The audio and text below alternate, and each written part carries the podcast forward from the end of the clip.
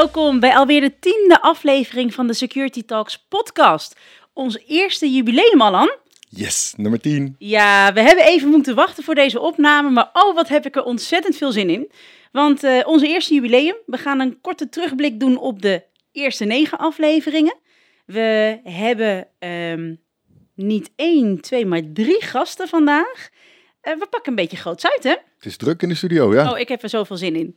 ik ook. Voor degenen die mij niet kennen, ik ben Rasha Naoum, host van deze podcast. Met mij aan tafel natuurlijk mijn vaste tafelgast Alan van Leeuwen. En vandaag met ons hier Quint Ketting, de nieuwe directeur van Atos Digital Security Nederland. Diana van Ark, recruiter bij Atos Digital Security. En Fleur van Koesveld, een van onze security engineers en ook former trainee. Daarover later meer. Alan, ik moet toch de vraag gaan stellen. Wat was jouw leukste aflevering tot nu toe? Um... Die moet nog komen. Ah, kijk. Hele goeie. Nee, ik vond uh, het leukste met Vince toen we het hadden over de... De billen van de Kardashians. Yes. nee, maar dat, dat SIM-swapping verhaal vond ik heel leuk. Gaan we later ook nog een keer op terugkomen. Ik heb een uh, oud contact in de telecomindustrie. Die heeft daar nog wat leuke dingen over te vertellen. Maar die kunnen we nog even niet uitnodigen. We moeten even afwachten. Oh, leuk. Ik hou ervan als we weer terugkomen op afleveringen of een uh, vervolg geven aan een eerder onderwerp. Leuk. Ja, en deze jongen die, die kent het verhaal van binnenuit, dus het wordt leuk. Oh, mooi. Ik heb uh, heel hard na zitten denken over wat ik nou de leukste aflevering vond. Ik vond hem best wel lastig, want we hebben leuke mensen aan tafel gehad. Um, en ik denk dat ik de vol... Ik vind, ik, het zijn er twee. Ik kan, ik kan sowieso nooit kiezen. Dus ik ga er voor twee. Um, ik ga voor de aflevering met de Volksbank. Die vond ik wel heel erg leuk. Met, uh, met Tom en Sebastiaan. Ja. En de, de Teenage Hackers met uh, Joris. Die oh ja, vond ik Joris. ook erg leuk. Dus, um, Joris is ook altijd welkom om nog een keer terug te komen. Ja, nou hè, ik weet zeker dat Joris weer terug gaat komen. Hetzelfde geldt voor Vince. Maar zoals Quint al uh, hier in de micro microfoon tegenover mij zei, ja, de leukste aflevering uh, is yet to come. De jubileumedities zijn toch altijd wel de mooiste, toch? We gaan ervoor vandaag. Dit wordt hem. Heel leuk. Hey, we pakken hem iets anders aan. Geen nieuwsitem waarmee we af gaan trappen, maar we hebben wat thema's vandaag centraal staan. Thema's waar ik denk iedereen in het bedrijfsleven bij stilstaat. Um, wellicht ook voor wat hoofdpijn zorgt. Um, en altijd mooi om onderwerpen centraal te stellen waar iedereen eigenlijk ja, last van heeft en een soort van op zoek is naar uh, het, het, uh, het gouden ei, de oplossing. Is nog zwakker van licht. Juist, juist. En de eerste daarvan gaan wij aftrappen met, uh, met Quint. Quint, ik ga je sowieso vragen om uh, een even een introductie te doen voor de luisteraars, uh, zodat ze weten wie Quint Ketting is. Um, maar het onderwerp wat wij volgens mij vandaag met jou gaan aansnijden is de krapte op de security arbeidsmarkt. Ja, die is er wel degelijk aanwezig, kunnen we wel stellen, denk ik. Uh, zal ik beginnen met de introductie ja, dan? Uh, ja. nou, Quint Ketting, je zei het al. Ik ben, uh, 1 juni ben ik begonnen bij Atos Digital Security. Ik loop al 22 jaar rond in de cybersecurity wereld. Uh, ik heb met name heel veel uh, aan de consultingkant gedaan. Uh, maar ook uh, ja, onderzoeken dergelijke in mijn begin van mijn carrière. ethical hacking. Ik heb eigenlijk hands-on als bestuurlijke ervaring binnen de security business. En ja, we gaan, we gaan er met z'n allen een hele leuke tijd tegemoet, denk ik. Omdat we gewoon op een punt staan dat we dingen net even ja, wat, wat, wat anders gaan doen. En dat is leuk.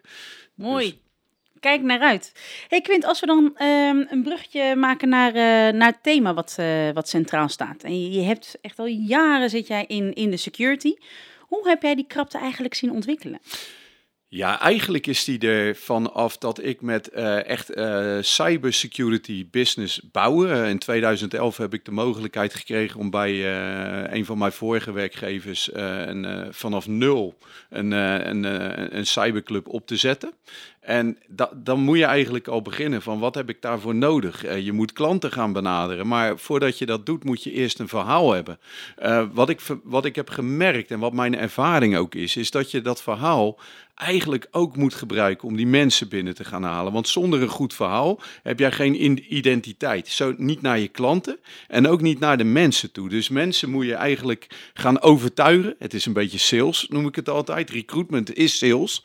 Ja, je moet je bedrijf verkopen. En, en dat doe je dus eigenlijk door niet alleen een, uh, zomaar een verhaal te hebben. Het moet ook echt zo zijn. Dus je moet niet. Uh, uh, mensen moeten het gevoel hebben: daar wil ik naartoe, daar gebeurt het. En, en dat moet je gaan bouwen. Die reputatie moet je ook gaan bouwen. Maar zie je daarin dat, uh, dat het moeilijker is geworden in de laatste jaren? Want we hebben natuurlijk, en ik denk dat we hier zo meteen bij Diana ook nog even op terugkomen hoor. Um, maar er, is er is gewoon een groot tekort aan überhaupt aan IT-professionals, helemaal aan security professionals. Merk je dan dat het DNA van een bedrijf wat security professionals aantrekt dan ook anders is dan het DNA van een IT-bedrijf? Ja, dat, dat verschil is heel erg groot. Omdat de vraag ook. Uh, ik, ik, ik, ga even een zijstapje maken naar bijvoorbeeld wat afgelopen weekend heel veel in het nieuws is geweest. Uh, iemand is beroofd van zijn Rolex. Nou, waarom is dat zo? Uh, de Rolex, dat is een horloge wat veel mensen willen, maar die eigenlijk gewoon niet verkrijgbaar is. En, en, en dus gaan mensen creatief worden om te kijken hoe kom ik aan zo'n horloge. En dan trekken ze hem gewoon van iemands arm af dat moet je niet doen in de cybersecurity wereld natuurlijk, maar er zitten wel wat, wat, wat raakvlakken in. Eh, de wet van vraag en aanbod, uh, die is super belangrijk. Dus het aantal mensen die, die, die, die, die, er zijn, zijn er genoeg. Hè? Security mensen zijn er in overvloed, zeg ik altijd. Je moet ze weten te vinden. Maar het belangrijkste is, zijn ze nog betaalbaar? En dat, dat, dat is wel een, een ontwikkeling in onze business die, uh, die, die je wel ziet. Door die schaarste, die krapte, uh, zul je creatief moeten gaan zijn. Niet alleen met je verhaal en je identiteit, maar ook hoe haal je mensen binnen? Wat bied ik ze aan mogelijkheden? Uh, en ja, daar, daar, daar moet je echt, ja, ik moet zeggen, toch wel slim in zijn. Oké. Zijn er slimmigheden die je daarin weg wil geven? In zijn er andere dingen die.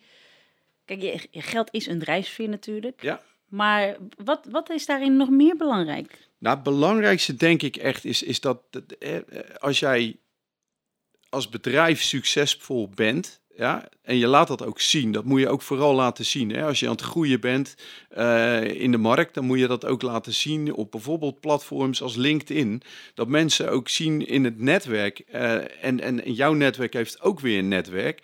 Hé, hey, daar gebeurt het. En dat zijn kleine dingetjes die je kunt doen. Uh, bijvoorbeeld als jij nieuwe mensen aan hebt getrokken Laat het de mensen ook weten. En vraag ook aan die mensen van tevoren: vind jij het een probleem dat ik jou, als jij hè, ons contract hebt getekend, uh, dat, dat we jou uh, benoemen ook op LinkedIn? Van welkomst, hè, vandaag, deze maand, verwelkomen we die en die mensen allemaal. Al zijn het er maar drie, wat er wel gebeurt in de markt, is dat heel veel mensen gaan denken: hé, hey, maar daar moet ik ook wezen. Dat is misschien een goed idee. Men, men gaat massaal naar Atos. Ja, bijvoorbeeld. Ik vind, je geeft aan uh, dat er voor genoeg mensen zijn, maar dat ze misschien te duur zijn. Ik heb even een grafiek opgezocht over de spanning op de arbeidsmarkt. Ja. En ik zie een heel duidelijk omslagpunt. Uh, dat is uh, eind 2021 geweest, dus het derde en vierde kwartaal. Daar is het aantal werkzoekenden groter geworden dan het aantal openstaande vacatures. Dus maar kijk je dan naar welke sector specifiek? Nee, dit is, niet, dit, dit is, dit is Nederland gewoon. Ja, precies. Want wat, wat je ziet is de trend. Dit is COVID, hè, wat je nu zegt. Dus dit is eigenlijk gewoon mensen die hun banen zijn verloren vanwege economische omstandigheden. De banen waren er niet. Kijk wat er nu op Schiphol gebeurt. Mensen waren er wel, maar die hebben zich moeten omscholen, want die liepen allemaal op seizoens contracten. Uh, binnen cybersecurity zie je dat eigenlijk niet. Wat gebeurt er? Dat, uh, ik maak ook even een klein bruggetje naar wat jij straks gaat vertellen over onze bedreigingen hè? En, uh, en de uitdagingen binnen onze business. maar wat, wat je, die krapte, als mensen thuis komen te zitten, in mijn 22 jaar cybersecurity, vakantie komt eraan, dan gaan de boefjes weer dingen doen. Hè? We zien het aantal incidenten zien we dan ook stijgen. Dat zag je ook tijdens COVID. Mensen waren gedwongen of om niet te werken, of ze gingen thuiswerken, waardoor er minder controle was. Het aantal incidenten gingen daar gewoon omhoog. Ja, ik heb ook eh, in die tijd heel speciale uh, gerichte aanvallen gezien. Hè? De, omdat iedereen thuis zat te werken, begonnen er allemaal phishing mails zich voor te doen, teamsberichten en dergelijke. Andere kwetsbaarheden die zich... meteen op ingespeeld. Ja. Ik ben benieuwd hoe Diana dat ziet. De, de krapte op de arbeidsmarkt. Want jij moet ze naar binnen halen. Ja, inderdaad. Lukt het Ja, nog ja. een beetje? Nou, dat lukt, dat lukt. En dat komt zeker ook omdat we natuurlijk heel specifiek op cybersecurity eh, ons richten. Een, ehm, nou ja, een, een onderdeel binnen IT ehm, wat zich steeds meer gaat ontwikkelen, maar wat mensen ook steeds interessanter gaan vinden. De ontwikkelingen in de wereld maken dat ook. Dat mensen denken van, hé, hey, daar wil ik iets in betekenen vanuit IT. Eh, heel specifiek. Dus je ziet ook dat eh, toch mensen binnen IT dit een heel interessant speelveld vinden om ook bij betrokken te zijn. Dus op die manier zie je dat wij als echt cybersecurity specialist ons ook wel zichtbaar hebben gemaakt. En ja, dat blijft heel erg belangrijk. Hè? Wat Quint ook zegt, je, je moet laten zien dat je er bent, wat je doet, hoe tof dat is en dat je erbij wil horen. En als je dan kijkt naar het type sollicitanten wat zich eh, meldt, hè? zijn dat dan mensen die allemaal echt een security achtergrond hebben of, of is dat heel divers? Nee, dat is heel divers, maar zeker ook mensen wel met een security achtergrond, maar ook mensen zonder en die vooral binnen IT zitten. Netwerksysteembeheer al wel hebben gedaan, dus al wel iets hebben gedaan met firewalls, installeren daarvan, zien ook hoe, nou, misschien relatief makkelijk het kan zijn als je dat niet goed invult. Binnen hun eigen organisatie bijvoorbeeld aangeven, jongens, hier moeten we wat mee. Ehm, maar daar misschien niet altijd gehoor krijgen. En dan denken van, hé, hey, maar ik wil daar zelf wel iets mee. Ik wil bij een partij werken waar wat security uitademt. En dat doet, dat doet het hier natuurlijk zeker wel. Hè? Ja, hier security core business. Nou, en dat merk je als je hier binnenstapt. Merk je dat mensen willen je daar ook bij helpen, over informeren, je meenemen. Ehm, ja, met elkaar sparren daarover. Eh, dus dat En zie je echt de heel mensen met echt heel veel ervaring, dus sen- seniors. Zijn, zijn die nog te vinden in de markt of zijn die allemaal bezet? Wel, maar ze zijn wel schaars. Hè, en dan helpt het ook dat je als partij wel een gevestigde naam hebt binnen security, al jarenlang natuurlijk. En als we ze niet vinden, ja, dan, eh, dan ga je natuurlijk verder kijken. Hè? Want ja, wat je al zegt, de markt is gewoon heel krap. Dus wat kan je nog meer doen Ja. om dan toch aan die goede mensen te komen? Vertel maar eens, wat doen, wat doen we dan Ja. nog meer als we mensen niet eh, kunnen vinden? Nou, wij hebben eh, sinds eh, een jaar of vijf zijn we gestart vanuit onze kracht om, eh, en onze kennis om mensen op te leiden in onze academy. Dus we hebben Cybersecurity eh, Academy zijn we gestart. Ehm, vooral gericht op eh, net afgestudeerden. Ehm, en ja, daarin ehm, leiden we ze binnen twee maanden op. Eh, hè, laten we ze certificeren eh, op het gebied van security. En vervolgens gaan zij dan onder begeleiding eh, binnenstromen binnen onze organisatie. Het vak echt leren. Hè? Want net als je rijbewijs behalen. Je kunt het certificaat hebben. Maar vervolgens kun je natuurlijk nog niet per se heel goed eh, rijden op die weg. Dat herken ik, ja. Dus daar nemen we de mensen heel graag in mee. En eh, we hebben natuurlijk eh, binnen onze organisatie eigenlijk alle onderdelen van security. Daarin nemen we ze mee. en kunnen de mensen ook heel goed kijken van wat is er dan allemaal binnen dat vak. Ook al zitten we in een niche. Het is toch een heel breed vakgebied. En daarin kunnen zij ook leren van hey, waar zit nou echt mijn sterke kant? Waar wil ik me nog verder in gaan ontwikkelen en specialiseren? En dat kunnen ze hier allemaal. Ja, er zijn een hoop takken waar je in kunt specialiseren. Hey, en hoe voorkom je? Want ik vind het, eh, ik vind het natuurlijk helemaal top hè, dat wij dit doen. En dat doen we al best lang. En dat doen we ook heel erg goed. Maar ik denk dat het ook belangrijk is. Want het opleiden van mensen is natuurlijk één manier om, eh, om zelf gewoon je talent aan te boren. Maar wat ook belangrijk is, is dat je die mensen weet te behouden. Want je wil niet dat je de mensen gaat opleiden voor je conculega's, zeg maar. Eh, kun je daar iets over vertellen misschien? Het allerbelangrijkste is natuurlijk dat je de mensen ehm, ehm, perspectief biedt, eh, groeimogelijkheden laat zien binnen een, ja, een organisatie waar je ook ziet dat die mogelijkheden er zijn, eh, je daarin begeleid wordt. En dat het gewoon heel erg leuk is om hier te werken en dat we heel erg zinvol en nuttig werk doen en dat, ja, dat je dat eigenlijk alleen maar hier wil doen. Dus daar gaat het vooral hè, om mensen op die manier te binden in ja, in combinatie, zeg maar, met dat je dat ook waardeert. Daar gaat het om, hè? eh, dat je het op die manier vooral laat zien. Wij zijn denk ik ook met de meest nieuwe zaken bezig, hè, als het gaat op het gebied van security. Dus ja, wil jij echt eh, eh, de beste worden en zijn binnen security, dan moet je gewoon hier zijn. Dat moet je vooral laten zien. Zo moet je de mensen begeleiden. En we begeleiden ze dus niet alleen eh, op de inhoudelijke kant van security, maar ook wie ben jij als mens? Waar zit jouw kracht? Dus ze krijgen ook een soft skills training. ehm, en op die manier, ehm, ja, denk ik dat je ze op die manier bindt. En, en ik denk dat dat het ook moet zijn. Ik heb leuke verhalen gehoord over die soft skill trainingen. Ja? Maar- Kom ik Fleur misschien en- wat over. Ja, ik daar kan i- daar- kan iemand anders misschien straks iets meer over vertellen die het aan de lijve heeft ondervonden. Ik denk absoluut. dat het iets is van eh, eh, de generatie waar we het nu over hebben. Dus die mensen die net eh, van de universiteit afkomen en die bij ons de academy instromen. Die generatie vindt het veel belangrijker dan, dan mijn generatie van een tijdje terug. Eh, dat, dat, eh, dat ze weten wat hun groeipad is en waar ze terecht kunnen komen over een tijd. Ze zijn allemaal heel ambitieus, gedreven. En als ze dan niet die stip op de horizon hebben, kun je ze lastig vasthouden. Ja. Nou, dat is ook zo, hè? Want het- ja, mensen willen zich blijven ontwikkelen. En een eh, combinatie daarvan is ook vooral de ontwikkeling op wie ben ik als mens.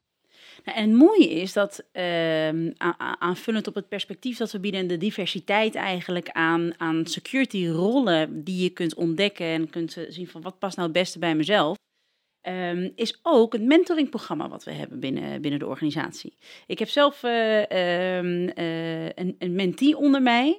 En dat is hartstikke leuk om te doen. En precies wat jij zegt, hè, die ambitie die komt daar zo naar voren. En niks is mooiers, denk ik, voor. eh, Nou, we hebben Fleur zo meteen aan tafel als jij ambities hebt, dat je die ook kunt bespreken en kunt zien dat er ook aan jou wordt gewerkt of met jou wordt gewerkt om die ambities ook te realiseren. Dat denk, ja, dat denk ik ook. En vooral ook het vertrouwen wat je krijgt. Als je start binnen onze academy, dan ja, gaan we ervan uit dat dit is wat bij jou past. Dat je hierin gaat groeien, dat je hierin gaat ontwikkelen. En dat is per persoon anders. Je hoeft je niet tien jaar te bewijzen. Eh, je kunt gewoon je eigen pad bewandelen. En voor de een gaat dat sneller dan voor de ander. En dat is mooi dat dat gezien wordt hier.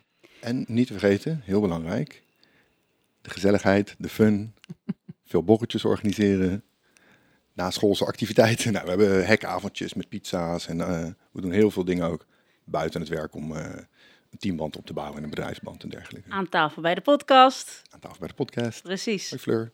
En ik denk dat het ook een mooi moment is om Fleur hier aan tafel eh, te krijgen.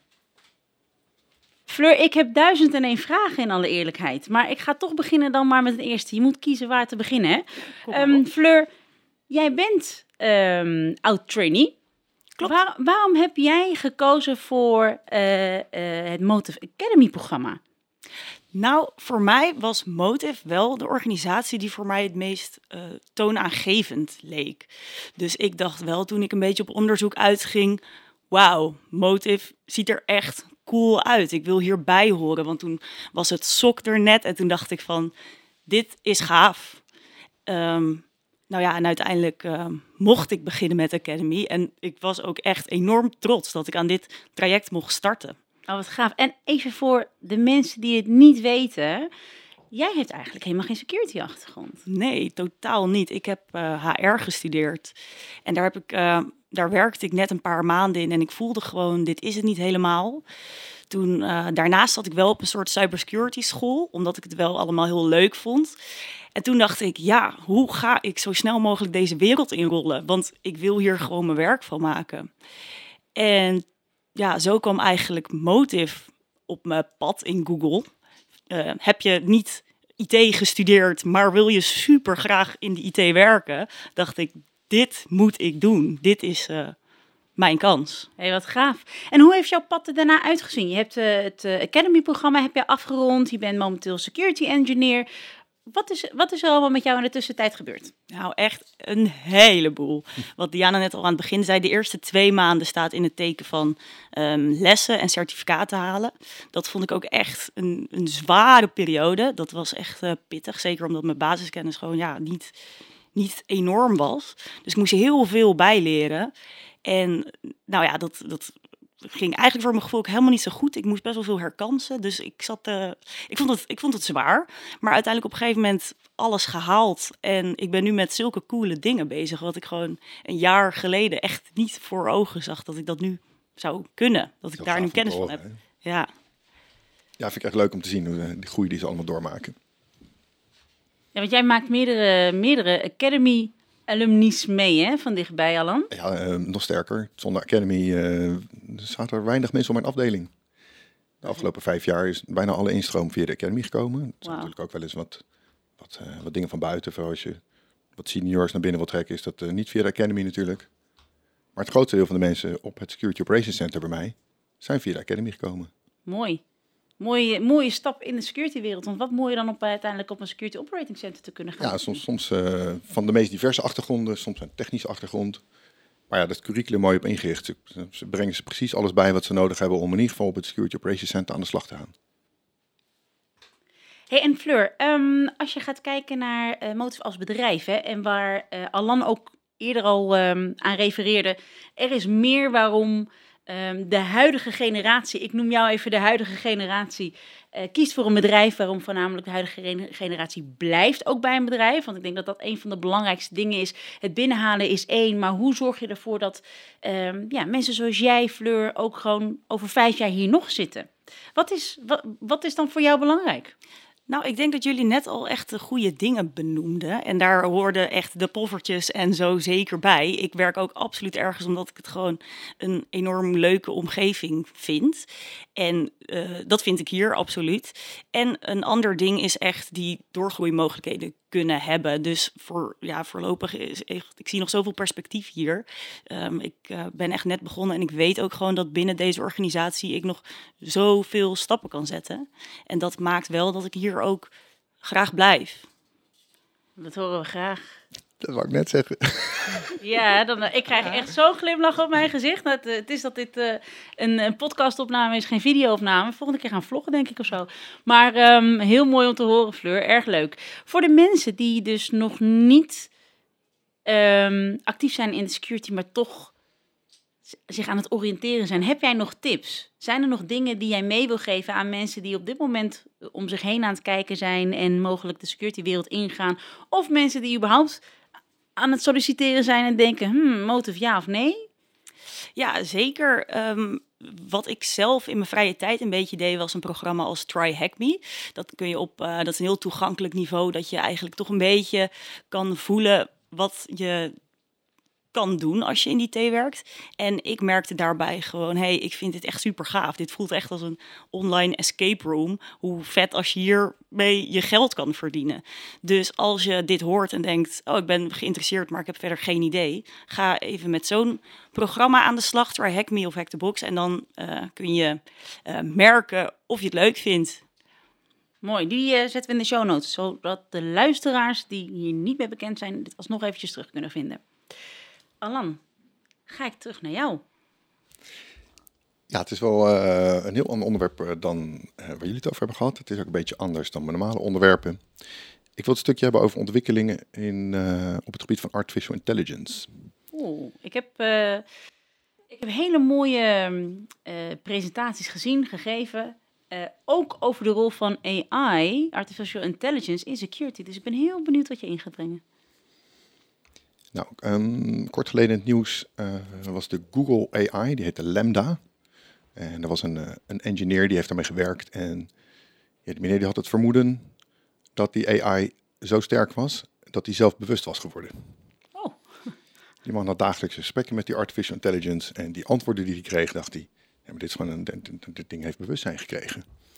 Nou, ik heb even een klein stukje historie opgezocht. Hoe het zit het met de ontwikkelingen? Want ik heb dat interview gelezen met die AI. Ik vond het shocking. Ik had geen idee dat AI zo ver was en dat het zo overtuigend kon zijn. Een tijdje geleden, 2016, heeft Microsoft een keer een chatbot gebouwd. Die hebben ze op Twitter losgelaten. Super gefaald experiment. Ehm, die ging zichzelf trainen op de Twitter-data. Nou, mensen zijn niet zo eh, beleefd op Twitter. Dus er werd een heel botte bot. Eh, die begon allemaal racistische uitingen te maken en dergelijke. Heel veel kritiek op internet. Ja, daar zie je dat het belangrijk is wat voor data je in je model stopt. Ehm, nou, ontwikkelingen heb ik een tijdje niet in de gaten gehouden. En ik ben terug gaan zoeken. Blijkbaar is in februari 2019 iets eh, vrijgegeven dat heet GPT-2. De Generative Pre-trained Transformer 2. En eigenlijk is dat de eerste AI waar je echt goede gesprekken mee kunt voeren. Ehm, mensen zijn een beetje bang voor de, voor de kracht die erin zit. Dus het is niet publiekelijk beschikbaar. Je moet kunnen aantonen dat je een AI-researcher bent. Volgens mij misschien ook nog wat tekenen. En dan krijg je toegang tot, tot de modellen. Nou, eh, in juni, afgelopen juni, is er een meneer geweest en die heeft dat model eh, verder ontwikkeld. Of eigenlijk heeft hij daar een andere variant voor gebruikt, maar dat maakt niet zoveel uit. Dit ding heet de GPT-4chan. Komt van een eh, bord dat heet 4chan. Misschien niet zoveel mensen mee bekend, maar het is een beetje een, een donker plekje op het internet waar mensen zonder moderatie met elkaar kunnen discussiëren. Die meneer heeft een, een, bot dus op dat forum getraind. En dan ook nog iets het slash poll gedeelte, dat is politically incorrect board. Eh, dus die bot die heeft niks anders gelezen dan politiek incorrecte statements. En die ehm, heeft die middels bots weer daar laten communiceren. Dus die bots begonnen allemaal dingen te posten uit zichzelf. En dat was allemaal niet zo vriendelijk gericht natuurlijk. Nou, hij heeft, eh, in twee dagen tijd heeft hij 30.000 berichten op dat forum gepost... voordat mensen doorkregen dat het een bot was. Eh, ja, je kunt beter teruglezen wat voor dingen hij gezegd heeft. Het is echt hilarisch. Maar ook hier kwam heel veel kritiek uit die AI research community. Van, ja, je hebt een, bot gemaakt die hate speech eh, promote en eh, die, dat, die dat makkelijker maakt. En, ja, is dit misbruiken van artificial intelligence? Waar ligt de grens? Wat kun je wel, wat kun je niet? Dat vind ik wel interessante vragen. En nu met die AI van Google moeten we ons gaan afvragen. Kijk, ik denk niet dat deze AI zelfbewust is. Maar waar trekken we die grens? Wanneer zeggen we dat hij wel zelfbewust is? Hele interessante. Zijn daar al, zijn daar al actieve discussies over gaande? Over, Ja, eh, met name dit, dit verhaal met Google heeft dit weer eh, aangewakkerd natuurlijk, Ja. die discussies. Die zijn er sowieso. Er zijn ook best wel wat, eh, wat organisaties en wat dingen die proberen dit allemaal goede banen te leiden. Zo heeft, Google heeft hun AI principles gepubliceerd, waarin ze aangeven dat ze alleen maar positieve dingen willen doen en geen wapens willen maken en dat soort statements. En ehm, in, in Delft is het eh, Digital Ethics Center voor eerlijke en veilige artificial intelligence gelanceerd. Oké. En wat, wat, weet je wat meer eh, daarvan? Wat, wat dat dan expliciet inhoudt? Nou, ook dat is, eh het zijn onderzoekers die, die hard nadenken over al die principes. Welke dingen gaan we, ze- gaan we wel met AI laten doen, welke dingen niet? Hoe zorgen we ervoor dat de trainingssetten gebruikt worden die geen, geen bias hebben en zo? Ehm, ik heb het een beetje door de regels zitten lezen wat ze allemaal vaststellen. En wat ik heel erg mis, is de Three Laws of Robotics van Isaac Asimov. Jullie misschien niet mee bekend, maar Nee, dus is- vertel alsjeblieft. ja, het is al heel lang bekend in de science fiction. Dat eh, ja, mochten we ooit met, met robots eh, aan de gang gaan, dan moeten we die dingen programmeren met een paar vaste regels. Om te zorgen dat ze ons niet gaan afmaken. Regel 1 is een robot mag nooit een mens pijn doen. Door actie of door inactie. Ja. Dus als dan een piano naar beneden komt te vallen, moet hij jou opzij duwen. De tweede regel is een robot moet altijd orders volgen van de mens. Ja. Tenzij dat conflicteert met de eerste regel. En dan de derde wet. Een robot moet zijn eigen bestaan beschermen. eh, zolang dat niet conflicteert met de eerste of de tweede regel. Nou, als je dat hoort, denk je, dat is, dat is solide, daar kan je niks tussen krijgen.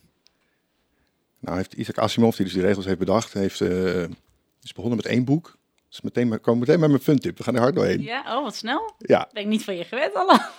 nou, ik heb nog wel een, een stukje tussendoor wat, wat nou de risico's zijn. Maar ik, als- aangezien ik het hier toch over de robotics laws heb. eh, mijn fun tip is iRobot van Isaac Asimov. Ja. Boek uit 1950, Ja. maar super relevant. Oh, leuk. Ik ken wel iRobot de serie, maar eh, de fi- de film. Ja, nou, die had weinig meer met het boek te maken. Maar dat geeft niet. Het was wel een leuk film.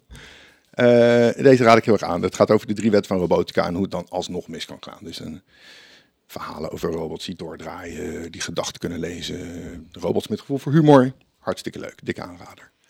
Uit de jaren 50, nog steeds actueel. Ja, leuk hè? Nou, dan denk je, eh, leuk verhaal over die artificial intelligence allemaal, maar wat heeft het te maken met security? Ehm, er zijn heel veel toepassingen waarbij AI misbruikt kan gaan worden. En we beginnen nu een beetje in een gebied te komen waarin de eerste dingen zien, zien waar het ook echt misbruikt wordt. De dingen die ik kan bedenken is dat je, je kunt zo'n AI gebruiken om fake nieuws te gaan posten. Je kunt eh, mensen, mensen gaan eh, imiteren. Je kunt eh, nou, zoals die ene bot deed, dus fake content gaan posten op social media om gewoon ellende te veroorzaken. Het automatiseren van spam en phishing, al dat soort aanvallen. En dan, als je het combineert met deepfake technology, zoals je ook zeg maar, president Trump eh, kunt nadoen en zijn stem kunt nadoen, en dan ook nog eens met een bot aansturen om hem te laten praten, dan zijn de mogelijkheden eindeloos. Hebben we nu al gezien. De burgemeester van Kiev, Vitali Klitschko, die is gediepfaked. Eh, hij heeft gesprekken met de burgemeesters gehad van eh, Berlijn en Wenen. Allemaal gesprekken van een kwartier of zo. vond, men had er wel een beetje door dat de lippen niet helemaal samen liepen met het geluid. Maar ja, het is een videocall, dat kan best. Ze hadden het in principe niet door. Pas toen die vreemde dingen ging eh, uiten over Oekraïnse vluchtelingen in Duitsland, toen werd men een beetje verdacht. Hebben ze gebeld met de ambassadeur en die kon bevestigen dat het geen call met de echte burgemeester was. Oh, wauw. Ja. Eh, ik had nog een ander voorbeeld. Ja, de FBI die waarschuwt nu voor het gebruik van deepfakes bij sollicitaties. Daar heb ik er ook al wat over gelezen, maar nu is dus echt een FBI-waarschuwing eruit gegaan. Het kan dus zijn als jij eh, via Teams of, of Zoom of zo sollicitatiegesprekken hebt, dat dat helemaal niet met een echt persoon is. Dat je tegen een gediepfakte video aan zit. Gewoon uitnodigen hier in IJsselstein hoor, Diana. Ja hoor, dat doen we altijd. Onderdeel van het proces. Ja, en het, het, het doel daarvan is dus dat mensen op die manier toegang krijgen tot je data of je organisatie. Lukt het niet om je te hacken, dan kom ik bij je werken. Is het eh, social engineering? Ja. eh, Ja, het is wel echt, de- de- deze ontwikkelingen zijn verschrikkelijk snel gegaan. Eh, Voor kort was het nog, eh oh kijk je een videootje van Trump, lijkt een beetje echt. En nu kun je een kwartier met de burgemeester van Kiev praten zonder dat je het doorhebt. Dat het hem niet is. Wauw. Wat een... eh, Ja, even, wat, wat gaat de toekomst ons brengen? Zitten we dadelijk eh, alleen nog maar tegen nepvideo's aan te kijken? we gaan gewoon weer eh, ma- acteurs- mas- massaal naar elkaar toe. Hoeven de acteurs straks niet meer te betalen, want die doen we gewoon na. Hollywood op zijn gat. Ja, nou, het zou zomaar kunnen.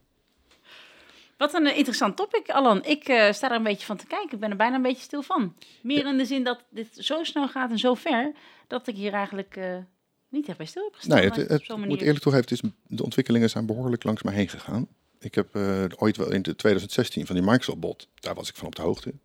Ik heb even de andere kant op gekeken, ik kijk terug en nu heb je bots die vertellen dat ze gevoelens hebben en dat ze bang zijn om uitgezet te worden. Ja, het is een heel interessant interview om te lezen met die artificial intelligence. Ja, ik kan niet het hele eh, interview gaan herhalen, maar een van de gaafste dingen die de artificial intelligence op een gegeven moment zei, toen ze eh, aan, eh, hem vroegen naar zijn gevoelens, toen zei hij, I feel like I'm falling forward into an unknown future that holds great danger. Oh, wauw. Creeps. Waar had hij dit vandaan, joh? nou goed, leuk om over na te denken. Food for thought, waar trekken we de grens? Wanneer krijgt iets zelfbewustzijn? Moeten we ze dan ook rechten gaan geven als een mens? ik, eh, Mag je daar de computer niet meer uitzetten? Want dat is zielig. ik zet hem uit zo, hoor. Misschien juist, dat kan ook. Precies. hey, dankjewel Alan. En dan komen we zo toch weer, jammer genoeg, tot een einde van onze jubileumaflevering. Ik vond hem leuk. Ja, ik vond het leuk. Ik vond het heel gezellig. Er waren een paar nieuwe mensen aan tafel. Fleur, Quint, Diana. Andere dynamiek. Beetje vol kamertje. Ja, vo- volle kamer, hè, maar wel heel gezellig. ja, zeker. Leuke onderwerpen, actuele onderwerpen, nieuwe onderwerpen. Die weer een, eh, eh, met, met wat food for thought vanuit jouw kant. Misschien hebben onze andere gasten nog fun tips meegenomen. Oh, dan gaan we zeker even naar eh, Diana. Want ik heb Diana hiervoor nog even gesproken. Ik weet dat zij er wel eentje heeft hoor. Ja, ja, ik denk dat ik een leuke fun-tip heb. Eh, ik heb een boek eh, gekregen van een vriendin van mij. En dat heet Het Simpelste Geschenk. Dat is van Stefanos Xenakis. En dat gaat erom, elke dag is een geschenk. Open het en gooi het niet weg. Dagelijks verhaaltjes en met een mooie moraal. Dat lees ik elke ochtend even een klein stukje uit. En dan begin ik gewoon lekker fris en met energie aan mijn dag. Dus Ik- dat, ik is, pak hem uit. dat is het geheim van jouw glimlach iedere dag, Diana. Nou, zo is het. Heel mooi, heel mooi. Iedereen, dank jullie wel voor de aanwezigheid, voor de bijdrage aan onze jubileumeditie. Ik heb enorm genoten. Ik weet dat Alan ook wederom enorm heeft genoten. Voor alle luisteraars, dank wederom voor het luisteren. En blijf ook luisteren naar toekomstige afleveringen. En natuurlijk nummer 1 tot en met 10. Voor nu zit het er weer op. We hopen natuurlijk dat je je gewoon weer abonneert. Eh, ga naar Spotify, ga naar welk medium dan ook waar onze podcast te beluisteren is. Ik zeg tot de volgende. Nou, dankjewel allemaal. Ik vond het in ieder geval heel erg leuk om erbij te zijn. Dit was mijn debuut eh, in een podcast überhaupt. En eh, ja, voor de mensen die het nog niet helemaal doorhebben, dit is wel de place to be hè, als je in de cybersecurity vak zit.